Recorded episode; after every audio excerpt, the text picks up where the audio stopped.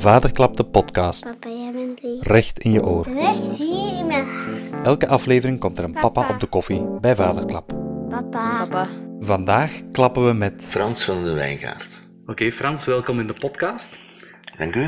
Fijn dat je ons te woord wil staan. Heel graag zelfs. Mijn naam is Hans en ik ben zelf papa van twee kinderen, eh, Oké. zeven en negen jaar. Jij bent vader van vier kinderen, Klopt. twaalf kleinkinderen. Ja, dat is heel wat, hè? Ja, ja. Ik heb een paar vraagjes opgeschreven, maar je hebt uit onze stapel kaartjes ook een paar gekozen onder lichte dwang. moeilijk, moeilijk moet ik zeggen. Er waren heel veel kaartjes en er staan heel veel belangrijke dingen in iemand zijn leven in. En het wordt heel moeilijk om daar maar zes mogen uit te nemen. Zou je ze willen voorlezen, degene die, die als eerste eh, je opvielen? Wel wat dat eh, zorgen. Eh, papa, ik lijk steeds meer op jou. Vakantie, trots, loslaten en school. Zullen we zoveel jaren teruggaan, toen jullie besloten op een gegeven moment om aan kinderen te beginnen? Kan je je halen hoe dat was voor jou toen? Ehm, wel, ik heb eh Loretje leren kennen toen ze nog vrij jong was. Ik denk een jaar of 17. Eh, haar papa was net gestorven. Ehm, zij werkte in de omgeving waar ik werkte. En dat was dus de link dat we elkaar hebben tegengekomen. We hebben een jaar of eh, drie een beetje bekeken of het wel zou lukken tussen ons. Hè? Want je weet eigenlijk niet over wat je begint. Hè? Dat is een meisje en eh, blijkbaar zie je die graag. Waarom? Ja, door haar ogen, door haar la- glimlach, door, door haar werk, door haar wat dan ook. Iemand vindt wel iets. En op een bepaald ogenblik hebben wij dan besloten om eh, toch eh, het leven in te gaan met een huwelijk. En eigenlijk was het heel eenvoudig. Ik was toen eh scheidsrechter. Dat heeft toch wel een rode draad geweest in heel mijn, mijn leven. Ehm Loretje die wil absoluut een gezin vormen. Dat was toen nog zo. Hè. Nu zegt mijn vier kinderen, zijn nu knettergek. Maar wat zijn er nu begonnen? Maar, maar ik moet dus zeggen, 45 jaar geleden, dan, dan sprak men totaal anders. Ehm, en ik zei, oké, klaar, ik wil ook kindjes, geen probleem. Maar denk eraan, ik blijf fluiten. Dat betekent dus dat ik zaterdag of zondag heel veel zou weg zijn. Ehm, en zo is eigenlijk alles gestart. En dat is niet begonnen van, en nu gaan we kindjes maken. Dat is spontaan geweest. En het eerste was er. Ja, en dat was dan een, een, een meisje, ons Veerle. Eh, en een, jaartje later was ze dan een jongen. Dat was onze Tom. En twee jaar later was ze dan ons Nancy. Dat was dan weer een meisje, mooi hè? Meisje, jonge meisje. En, en, en dan kwam onze Chris, de vierde. En toen hebben we wel gezegd, stop nu maar. Hè? Want, want blijkbaar zonder afspraken of iets. Want nu spreekt men over voorbehoedsmiddelen en zo. Maar dat was allemaal in onze tijd niet. Als ik nu zie dat al die kinderen eh, ermee bezig zijn, dat reeds vroeg weten. Hè? eh, dan, dan waren wij toch wel bleukers in onze tijd hoor. Dat waren echt enorm leuke tijden. Ja, die hingen alle vier aan elkaar. Ja, en, en Loretje die speelde dan moeder. Hè? En, en die, die, die, die moest alles op zich nemen. Eh, alles is veel gezegd, maar toch veel, moet ik eerlijk toegeven. Eh, nu eh, is dat niet meer denkbaar dat iem- iemand thuis blijft en dat je alleen gaat werken om dan alles nog recht te krijgen van auto, huis, vakanties. Men wil heel veel. In die tijd was dat niet. Wij waren heel blij dat wij een huisje hadden Ja. hè, en dat we daar konden op verder bouwen. Ik had een heel goede combinatie met mijn werk. Dat was ook heel belangrijk. Het liep ook wel heel goed. En ik moet u zeggen, ik heb, ik heb nooit blijven stilstaan. Wat, papa worden, hè. Nee. Ja, dat, dat, dat, die is in verwachting en dan gaat het toch niet denken van... Allee, ik deed dat toch niet, hè, van... Oei, oei, nu ga ik papa worden en nu ga ik dat doen. Ja, we zullen dat wel zien, hè. Ja? En in dat eerste pamperken na toen, man, man, man, dat stonk. ik, ik heb bijna over, ik herinner mij dat nog. Maar ik heb het toch moeten leren en toch moeten doen. Alhoewel, heel eerlijk... ehm baby's van minder dan eh, vijf, zes maanden... eh, ik had geen bang, maar ik was er heel gevoelig voor. Ik had schrik dat die zouden vallen uit mijn, uit mijn handen, dat ik dat niet goed... En die, die, die mama's die nemen dat vast en die hebben dat vast en, en dat, dat, dat zit. Dat was bij mij zeker het eerste niet. Is dat nu bij je kleinkinderen anders als zij babytje waren? Ja, Ja, dan worden wel wel wat volwassener blijk- blijkbaar, want dan, die, dan zijn ze zelf al een pak ouder geworden. Ja. Heb je die ervaring van die, heel die bende daarvoor? Ja, en, en, en, en dan was dat geen probleem meer. Zeg, kan je iets vertellen over eh, jouw eigen vader? Hoe was, was hij vader voor jou? Ja, dat is eigenlijk heel uitzonderlijk. Eh, ik kom uit een gezin van zeven kinderen. En mijn papa die werkte keihard om eh, dat gezin recht te houden. Hè? Want die hadden ook een eigen huis. En ik herinner mij nog dat eh, mijn mama ons eten gaf morgens. En wij moesten paardenvlees eten, want daar worden sterk van en dat is, eh, dat is gezond. En mijn papa werkte aan de spoorweg. Die heeft dan, eh, zat ook mee in de voetbal, als, als voetballer, later als delegé. Mijn moeder was dan de wasserij van de club. Je kent hoe dat, dat gaat. En wij groeiden op. Maar wij konden ons niet veel permitteren. Hè? Ik herinner mij nog mijn allereerst fietsje dat ik wou hebben als 8, 9-jarige. Ben ik gaan verdienen. Ik heb daar de eerste tomaten en de komkommers geplukt in de serre. Hè, om die fiets te kunnen kopen. Hè, want eh, mijn papa zegde, als ik een fiets voor u moet kopen, moet ik er zes kopen. Hè, want dan, eh, we, we zijn met zeven en zo ging dat toch wel een beetje. Ik heb er toch wel heel veel respect voor gekregen. eh, en voor gehad, hoe de manier dat zij dat allemaal hebben rondgedaan. Mijn vader is dan uit het voetbal gestapt, maar na, na 30, 40 jaar op die groene mat wilde je toch wel iets anders doen. En die is eigenlijk scheidsrechter geworden.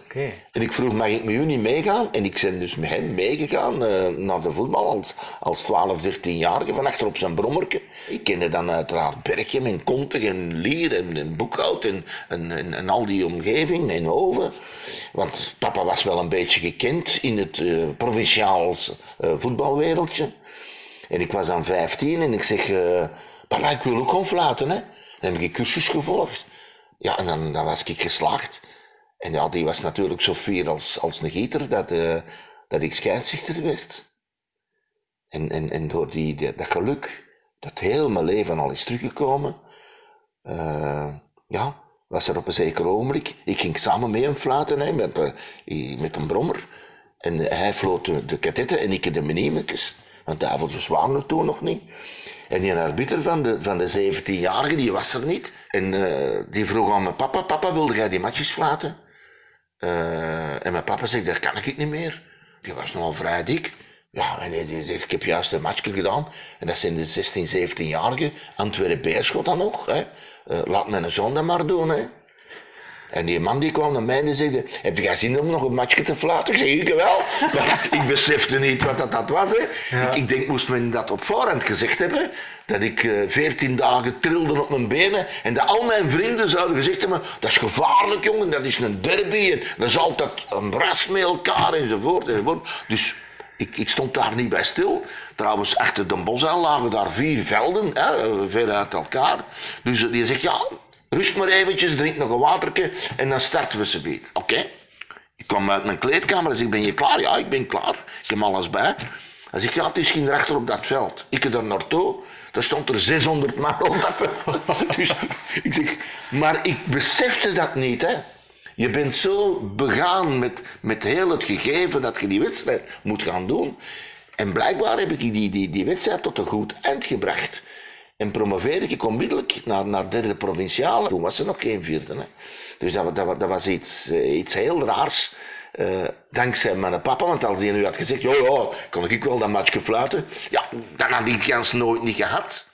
Ik moet ook wel zeggen dat ik dankzij die arbitrage in mezelf heb gevonden waar mijn krachten zaten.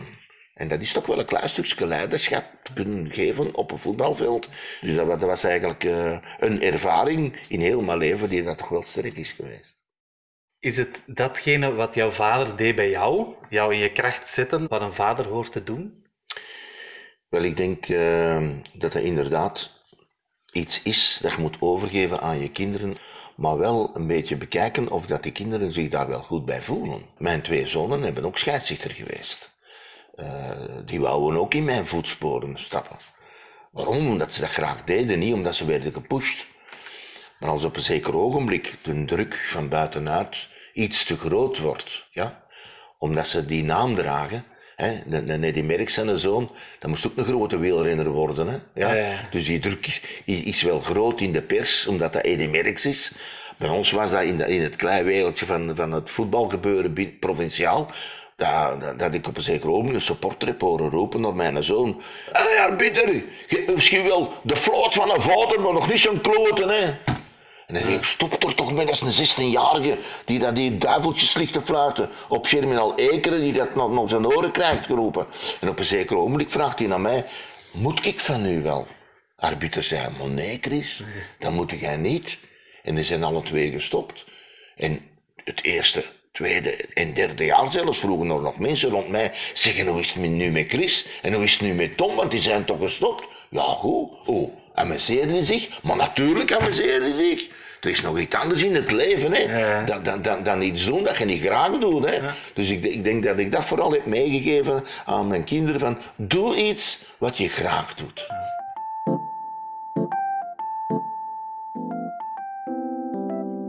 Zullen we naar de kaartjes gaan? Ja, het wel mooi is om met school te beginnen. Wel, ik ben eigenlijk gestart vroeger eh, als student, maar een hele zwakke student. Ik was eh, in het lager onderwijs meer onderaan te vinden in het klassement dan bovenaan. En weet je wat het lastige was? Ik heb gezegd dat mijn, mijn, mijn ouders ook van een groot gezin waren. Ja. Wij zaten met eh, vier kozijns in dezelfde klas, in hetzelfde studiejaar. Ja. En met nieuwjaar kwamen wij natuurlijk met de grote familie samen om nieuwjaar te vieren. En, en, en eh, nieuwjaarsbrieven voor te lezen. En alle jaren was het grote onderwerp daar school. Hoe heeft hem het gedaan? Ja, slecht, hè, want dat was weer voor het laatst of derde laatst. En die drie andere kozijns, ja, heel raar, die liepen aan de top. Eind van de rit, ja, moet ik toch wel vaststellen dat ik jaarlijks verbeterde. Gewoon de inspanning die ik deed, eh, het volwassen worden van mezelf misschien. Dus ik vond het, het, het schoolsgebeuren toch wel belangrijk. Ik wou dan naar de moderne gaan, maar dat, dat lukte niet. Hè. Dat, is mijn, diplo- mijn resultaat in het zesde te zwak voor. Eh, en ik wou eigenlijk naar de beroepsschool gaan. Want mijn vader zegde, je moet eh, schoenmaker worden. En als je schoenmaker wordt, dan verdien je je kost. Want die schoenen moeten toch altijd gemaakt worden. Niet dat dat mijn keuze was, heel eerlijk gezegd. Eh, maar ik moest een, jaar wachten. Waar? Het zesde jaar terug doen? Nee, nee. Ik kan niet blijven zitten. Hè. In het Sint-Gabriel-instituut in Boekhout, dat was het college. En mijn vader, zijn broer, was broeder. Broeder Albertus. En die zegde, Louis, laat de Frans maar naar ons komen. Hetgeen het hem leert, leert hem. En ik heb daar een jaar, de eerste jaar moderne gedaan. Ja. Natuurlijk, dat was geen vette. Moet ik wel toegeven, als, als dat, dat, dat jaar gedaan was, dan ben ik een maand op verlof geweest in Nederland bij vrienden. En die had een garage. En ik heb daar eh, een hele maand aan het werken geweest en ik kom thuis. Ik zeg tegen mijn pa- papa, ik word garagist. Ik kon auto's herstellen. Dat is fantastisch. Ik heb dat gedaan. Ja. Dus ik heb eh, in het eh, Technisch Instituut van Borgerhout, daar heb ik mijn technische afgelegd. Goed afgestudeerd, goede resultaten. Cijfers werden beter en beter. Ik kwam ook heel goed overeen met die leerkrachten, omdat ze blijkbaar aanvoelden dat ik didactisch, technisch toch wel eh, wat in de hand had. Dat, dat, dat, dat voel je. En als ik afgestudeerd ben, ben ik eigenlijk gaan werken bij Permeke. Ik was verantwoordelijk voor iedereen die een nieuwe wagen had gekocht, niet kocht, had gekocht, en die dan te bestellen, te prepareren, mensen aan te stellen, voor radio's in te stellen, twee, of, of drie puntgordel, want dat stond er allemaal toen niet in, undercoating te geven, want dat was allemaal niet, nu is dat allemaal, ja. Dus daar eh, heb ik dan eh, nog meer volwassener geworden. En ik ging eigenlijk een bezoek brengen aan mijn oude school, en die leerkracht zegt tegen mij, Frans, jij moet les gaan geven. Echt? Ja, Super, ja. jij moet les gaan geven. Ga dat doen, volgende avond school. Ik ben dat gaan doen. En na twee jaar kreeg ik een telefoontje. Kun je zo snel mogelijk beginnen? Ik kon hem aan een baas. Ik zeg, voilà, je, ik ga lesgeven. Die had heel veel spijt, maar heel veel respect wat ik voor hem had gedaan. En ik ben dan eh, onmiddellijk mogen stoppen en onmiddellijk les mogen gaan geven. En kwam thuis, ik zeg tegen papa, ik ga lesgeven. En ik weet dat hij toen boos was. En die zegt, ga je zeven stelen en je elf ongelukken. Allee, jong. Toch kon ik het doen. Ja, en ik heb het waargemaakt. Ik ben daar dan na een jaar of zes directeur geworden in die beroepsschool. Weet je dat ik daar dinsdagmorgen om half acht nog in de school was, dat ik om half elf doorreed voor om twaalf uur op Zaventem te zijn, voor om twee uur te vliegen naar Barcelona of Real Madrid, voor er s'avonds lekker te eten, voor daar zondags een match te fluiten, voor daar het woensdag, pardon, voor dan donderdag terug te komen, recht terug naar school, nooit naar huis geweest, rechts terug, terug naar school en dan te bellen, hé hey Lorette, ik ben geland, ik ben terug in de school. Dat was, dat was de crème van de crème. En die mannen klappen nu nog tegen mij. Hè. Wel, dat is een gouden tijd. Dus dat schoolsgebeuren was zo belangrijk dat ik dat heb getracht van de over te brengen naar mijn eigen kinderen. Mooi. Dat is ook mooi dat je zelf hè, beschrijft naar de lagere school ging. Was, was niet zo'n Nee, succesvolle nee, student nee. op papier. Hè? Ja, ja. En dan later toch directeur geworden van een school. Ja, ja. Later, dankzij de arbitrage, rode draad, ja, Ja, ja, ja. ben ik dan eh, in de topsportschool gestart. Ook dat kind heb ik verwekt.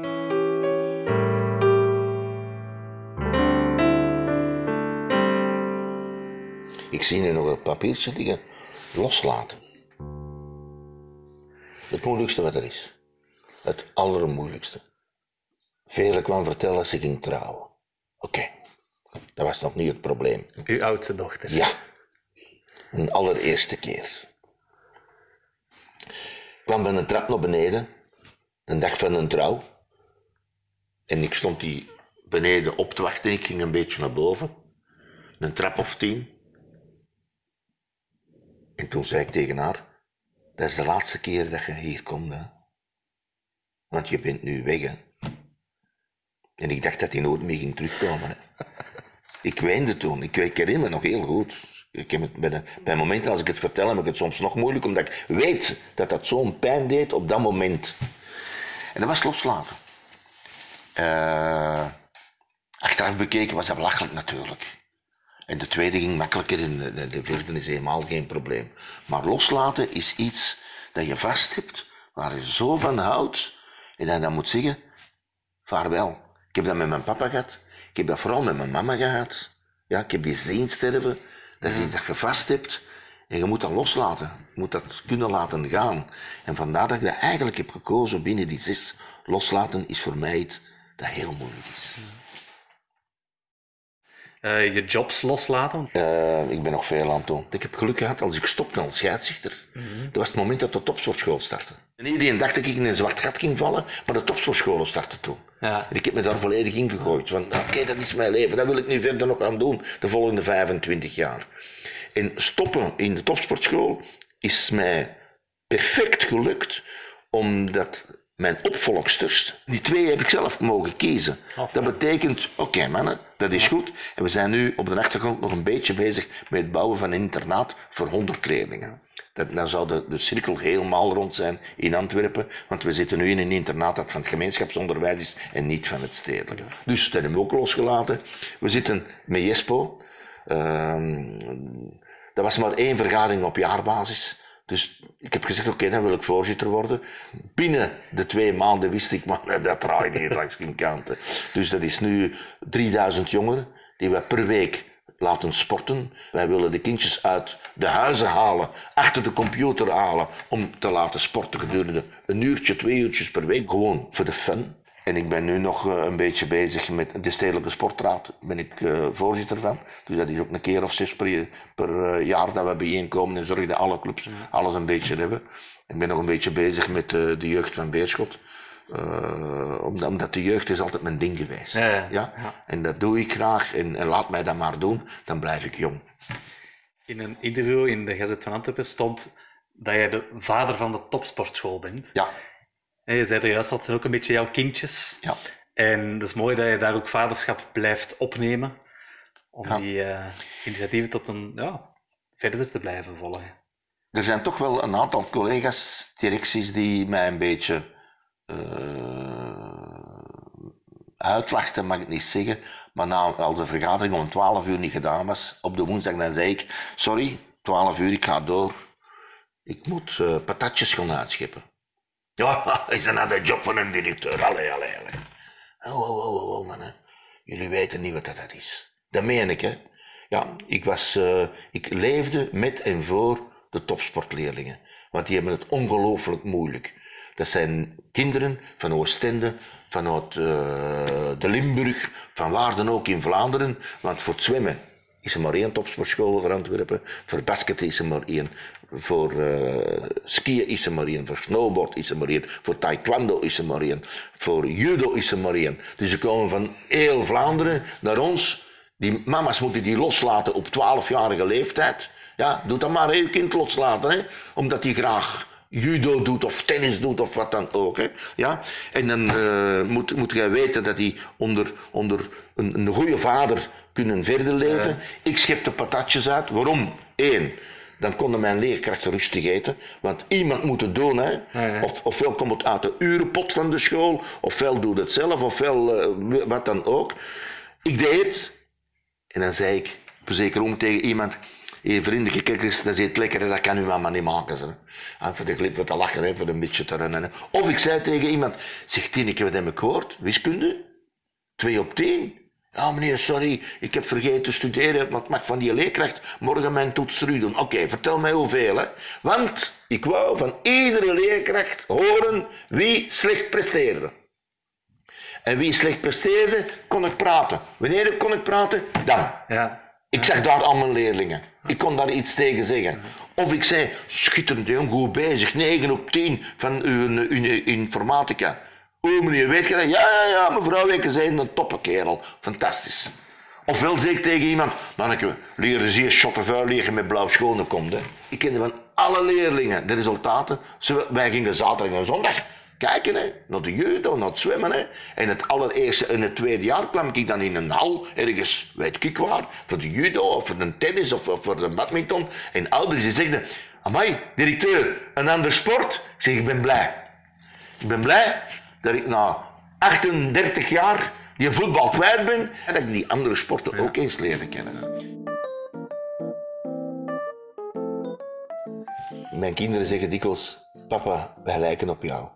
En heb ik zoiets van, oké mannen, dat is knap. En als wij zien hoe dat die hun kinderen opvoeden, dan zeggen wij soms tegen elkaar, wij hebben dat niet slecht gedaan. Hè. Want die hebben het pak overgenomen. Hè. Het is anders, het is een andere tijd, dat klopt allemaal wel. Maar er zijn toch wel een stuk dingen, ja. eh, wat, wat, wat zie ik daarin? Eerlijkheid. Niet liegen, mannen. Eerlijk zijn. Heb je problemen? Komt dat zeggen. Er zal niemand met jou lachen. Hè? Dat is heel belangrijk. Uw kinderen, voed ze beleefd op. Dat die tenminste een goede dag zijn als je binnenkomt. Of niet gelijk boeren hier binnen en buiten stappen. Dat je zegt, oké, dat is fijn. Fijn gekleed. wil niet zeggen dat dat de duurste kledij moet zijn. Hè? Maar netjes gekleed. Dat het allemaal een beetje is. Als ik zie hoe verzorgd dat die eten. Ja, dat hebben ze thuis hier ook gehad. Ze hebben het voorbeeld van Loretje gehad. Eh, het opruimen. De ene al wat beter dan de andere. Maar dat hebben ze allemaal meegekregen van thuis. En dat wordt overal toch wel voor een groot stuk toegepast. Die een drang naar een eigen huis, die hebben de alle vier. Dan ik, oh, dat is fantastisch. Dat zijn van die pionnen die toch wel heel sterk zijn. En vooral op het moment dat het niet goed gaat, steun zoeken bij iedereen. Vertrouwen hebben. Dat heb ik die meegegeven. En dat blijkt toch voor een heel groot stuk terug te komen. En ze zenden dat ook naar hun eigen kinderen uit. Hoe is het dan om je rol als vader te combineren met je rol als vader op een school of als vader voor een, eh, een wedstrijd? Goh, ik vertelde heel veel. De gasten vroegen, hoe was het papa? Of die hadden nu gezien op televisie en dan vroegen die dat. Waarom heb je dat gedaan? Ik vertelde dat wel. En dat dan, als je na zo'n wedstrijd thuis kwam in je gezin met vier kinderen, had je dan nog dezelfde passie waar dat je nu mee spreekt, om, om dat thuis, je vaderschap ook op te nemen? Eh, nee, ik moet u zeggen, ik, ik klapte veel met, met- soms met mijn ogen. Als, als het niet in orde was, ik, ik kon al, nogal vrij streng kijken op, op een bepaald ogenblik. Ik heb gemerkt dat na een aantal jaren dat ik heb lesgegeven, dat ik thuis kwam en aan mijn kinderen, papa, gaan we iets leuks doen. En ik geen energie meer had. Dan zei ik, iets leuks doen, iets leuks doen. Ik heb een hele dag iets leuks gedaan bij andermans kinderen. En dat was voor mij wel zo de klik van, wow, dit klopt niet. Als ik voor mijn eigen kinderen geen activiteiten kan doen, al is het maar bij een spel bij zijn, als ik daar geen energie meer heb, omdat ik alles in mijn werk heb gestoken, dat, dan klopt er iets niet. Ja, dat is misschien mijn enigste fout. Als vader. Ja. Om, Lorette heeft die rol overgenomen. bezig zijn met de kinderen. En die vertelde dat wel, hè. we deden dat wel, maar ik ging twee keer per week trainen. Ja. Zaterdag of zondag wedstrijd. Veel naar het buitenland, ja, dus veel weg, veel terug. Wel interesse in al hun resultaten van school, zeker weten. Hè? Dat volgde zeker mee op. Vakanties, dat ging recht naar de kinderen. Ik heb bij eh, alle vier de kinderen in het huis mee gaan werken. Naast jouw eigen vader, had je nog andere vaderfiguren in jouw eh, leven? Ehm, Alex Bonnet. Die was eh, een jaar of 15 ouder dan ik. Dat was eh, de topper op dat moment, ja. Eh, waar dat wij naar opkeken. Als jong arbiterke. Hè? Als wij in Brussel mee moesten gaan trainen met de toppers. En dat klikte wel een beetje. Wij waren dan misschien met zeven jonge scheidsrechters. Die kenden mij. Die volgden mij op dat toernooi. Wat moest ik daar doen? Heel go fluiten. Dat is een trapleerken, hè. Waar je iedere keer op moet, hè. Trapje op, trapje op. Het is niet goed, trapje terug naar beneden. Het is terug goed, trapje op, trapje op. Maar daarboven is een top, hè. Gaan we of niet, dat weten we niet, hè. Dat is een hele weg die, die dat je moet afleggen. En Alex is daar in de arbitrage mijn papa geweest. Ik moet gaan fluiten in Turkije, Galatasaray tegen Barcelona. Oké, met Johan Cruijff nog als eh, trainer van Barcelona. En tien dagen voor die match krijg ik een brief op de training, gesloten, eh, voor Wijngaard. Doen die een open, een A4-formaat, met een penis opgetekend, I kill you. Dus dat waren supporters die dat, dat hadden gestuurd, dus die gaan me kapot maken als ze niet winnen. Ik ga naar Alex, want alleen, als jonge snotter, ik heb die daar nog nooit niet voor gehad. Ja? Dus ik ga naar Alex, hé hey Alex, kijk eens jong. Weet je wat die me antwoordde? Die klopte op mijn schouder en zei, Franske, dat is vooral geen probleem. hè." En het was opgelost. Je vader heb je moeten loslaten? Mijn vader is gestopt op zijn 65 en is op zijn stoel gaan zitten. Ja. En die is vrij jong gestorven. Ja? Die heeft de activiteit in zijn leven losgelaten. Ja. Eh, dat zijn twee dingen die ik eigenlijk van mijn papa wil onthouden. Doe dat zelf niet. Zorg dat je actief blijft, want dat is ongezond. En het tweede belangrijkste punt is, zorg dat uw huis op uw 65ste in orde is. Waarom? Mijn ouderlijk huis hebben ze laten verwateren, verwateren, ja, hebben ze niet veel meer aan gedaan. Tussen hun, hun 55 en hun, hun eh, 65. Ja, en als ze 65 waren, kwamen ze tot de vaststelling dat er zoveel aan te doen was, dat dat niet meer doenbaar was op die ouderdom. Ja, dat, dat, heel het kop moest bijna vernieuwd worden. Die hebben het dan verkocht en zijn op, op een appartementje in de gelijkvloers gaan wonen. Ja. En toen dacht ik, ah, dat kan ik niet laten gebeuren. Ik kan zorgen dat het huis goed is op het moment dat wij er 65 zijn. Vandaar dat dat instap klaar is als iemand Ja, dat koopt om Ja. te werken. Zijn er nu vaderfiguren in jouw leven? Of ben jij nu gewoon vooral zelf vader en grootvader? Ehm, nee, er zijn eh, op dit moment eh, geen vaders meer. Nee, nee, nee. Als vertrouwensman, ja. Eh, we zijn nu aan het bouwen met de firma van Jos Vragen en zijn zoon. Jos Vragen was vroeger de voorzitter van Germinal Ekeren. Ja, die woonde hier in Ekeren. We kennen die al, al jaren. Die komt alle dagen naar een bouw kijken. En daar, daar stel ik dan wel vragen over, eh, over het, het bouw gaan. En ja, je krijgt een info, je kunt die raad vragen. Eh, dan speelt die op dat moment een klein stukje vader voor mij in het bouwen van, dat- van, van, van dat huis. Je hebt eh, zorgen, heb je al veel verteld. Ik weet niet of je daar nog iets anders over wil vertellen. Die zorgen zijn, zijn nu voorbij. Ik denk dan eh, vooral om de twee dochters die toch wel wat zorgen hebben gehad. Dat iemand zich een nieuwe auto kan kopen, dat is niet mijn probleem. Nee, ja? nee. Maar dat iemand eh, ziek is, Ja. dat pak ik wel een stukje mee als zorg van mijn probleem. Want de centen moeten wel binnenkomen alle maanden. Hè? Ja. Die kindjes moeten allemaal nog wel eten hebben. Hè? Als je er alleen voor staat en je bent nog eens ziek en je kinderen zijn 15, 16 jaar op moeilijke leeftijd, ja, dan, dan worden de zorgen toch wel groot. Hè? Ja. En daar heb je ook een stuk vaderschap kunnen opnemen. Ja, Ja. zeker weten. Zeker weten. We waren er altijd voor haar. En op het moment dat er eh, iets was, u belt maar en we staan er. En dat is, iets, dat is eh, toch wel iets, een vertrouwen dat je hebt als, als, als, eh, ja, als volwassene. Dat je zegt, oké, als, ik kan terug- als er iets is, kan ik terugvallen op mijn, mijn papa of mijn mama. Heb je voor andere vaders, jonge vaders of misschien vaders met meer ervaring, een aantal tips of een aantal gouden adviezen? Goh. Vaders en mannen tegelijkertijd. Mooi. Ja. Als je met iemand in het leven stapt, tracht dat te doen met volle overtuiging. Wanneer er iets fout loopt of iets niet goed gaat, praat het uit. Hoe lang dat ook mag duren, maar doe het, praat het uit. En neem niet de vluchtweg naar iets anders. En ik heb het gevoel dat dat de dag van vandaag te makkelijk wordt genomen. Dat vechten voor is er eigenlijk niet meer.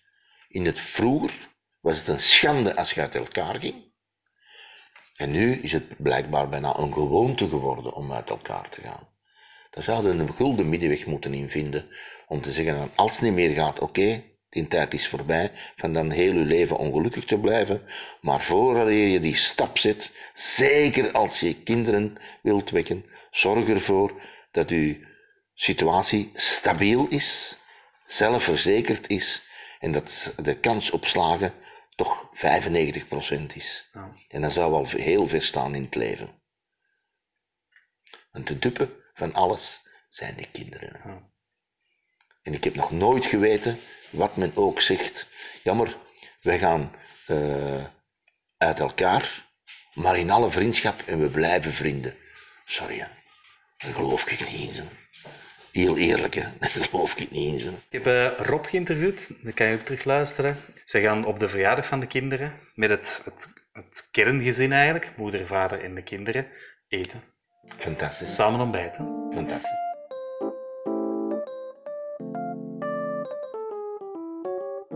Dankjewel Frans, voor je openhartig. Ik hoop dat je het fijn vond. Ik vond het heel fijn. Oké. Ja. Dat is ook een van mijn redenen waarom ik met Vaderklap meewerk. Omdat ik denk, als vader kan ik van elke vader iets leren. Al is het maar, zo zou ik het niet doen. Ja. Maar zeker vaders met meer ervaring dan mijn negen jaar vaderschap. Ja, daar kan ik alleen maar van leren. Ah, ah, oké. En het is niet altijd evident in de Vlaamse cultuur om te spreken met uw eigen vader. Dat is waar. Eh, ik weet niet of jij met andere vaders hebt gesproken over het vaderschap. nee, nog nooit. Nee. Nog nooit. Nee. U luisterde naar Studio Vaderklap. Papa. Mis geen enkele aflevering en abonneer je gratis via eender welke podcast-app, via Spotify, Soundcloud of luister gewoon op vaderklap.be. Papa. Papa. Vaderklap wordt opgevoed en grootgebracht door de founding fathers Pieter en Dimi, met de hulp van Wim, Stijn en Hans. De muziek is van Daan Richard, featuring Oeroes. Inderdaad. Een vaderklap. Volgende keer klappen met een andere papa. Tot dan.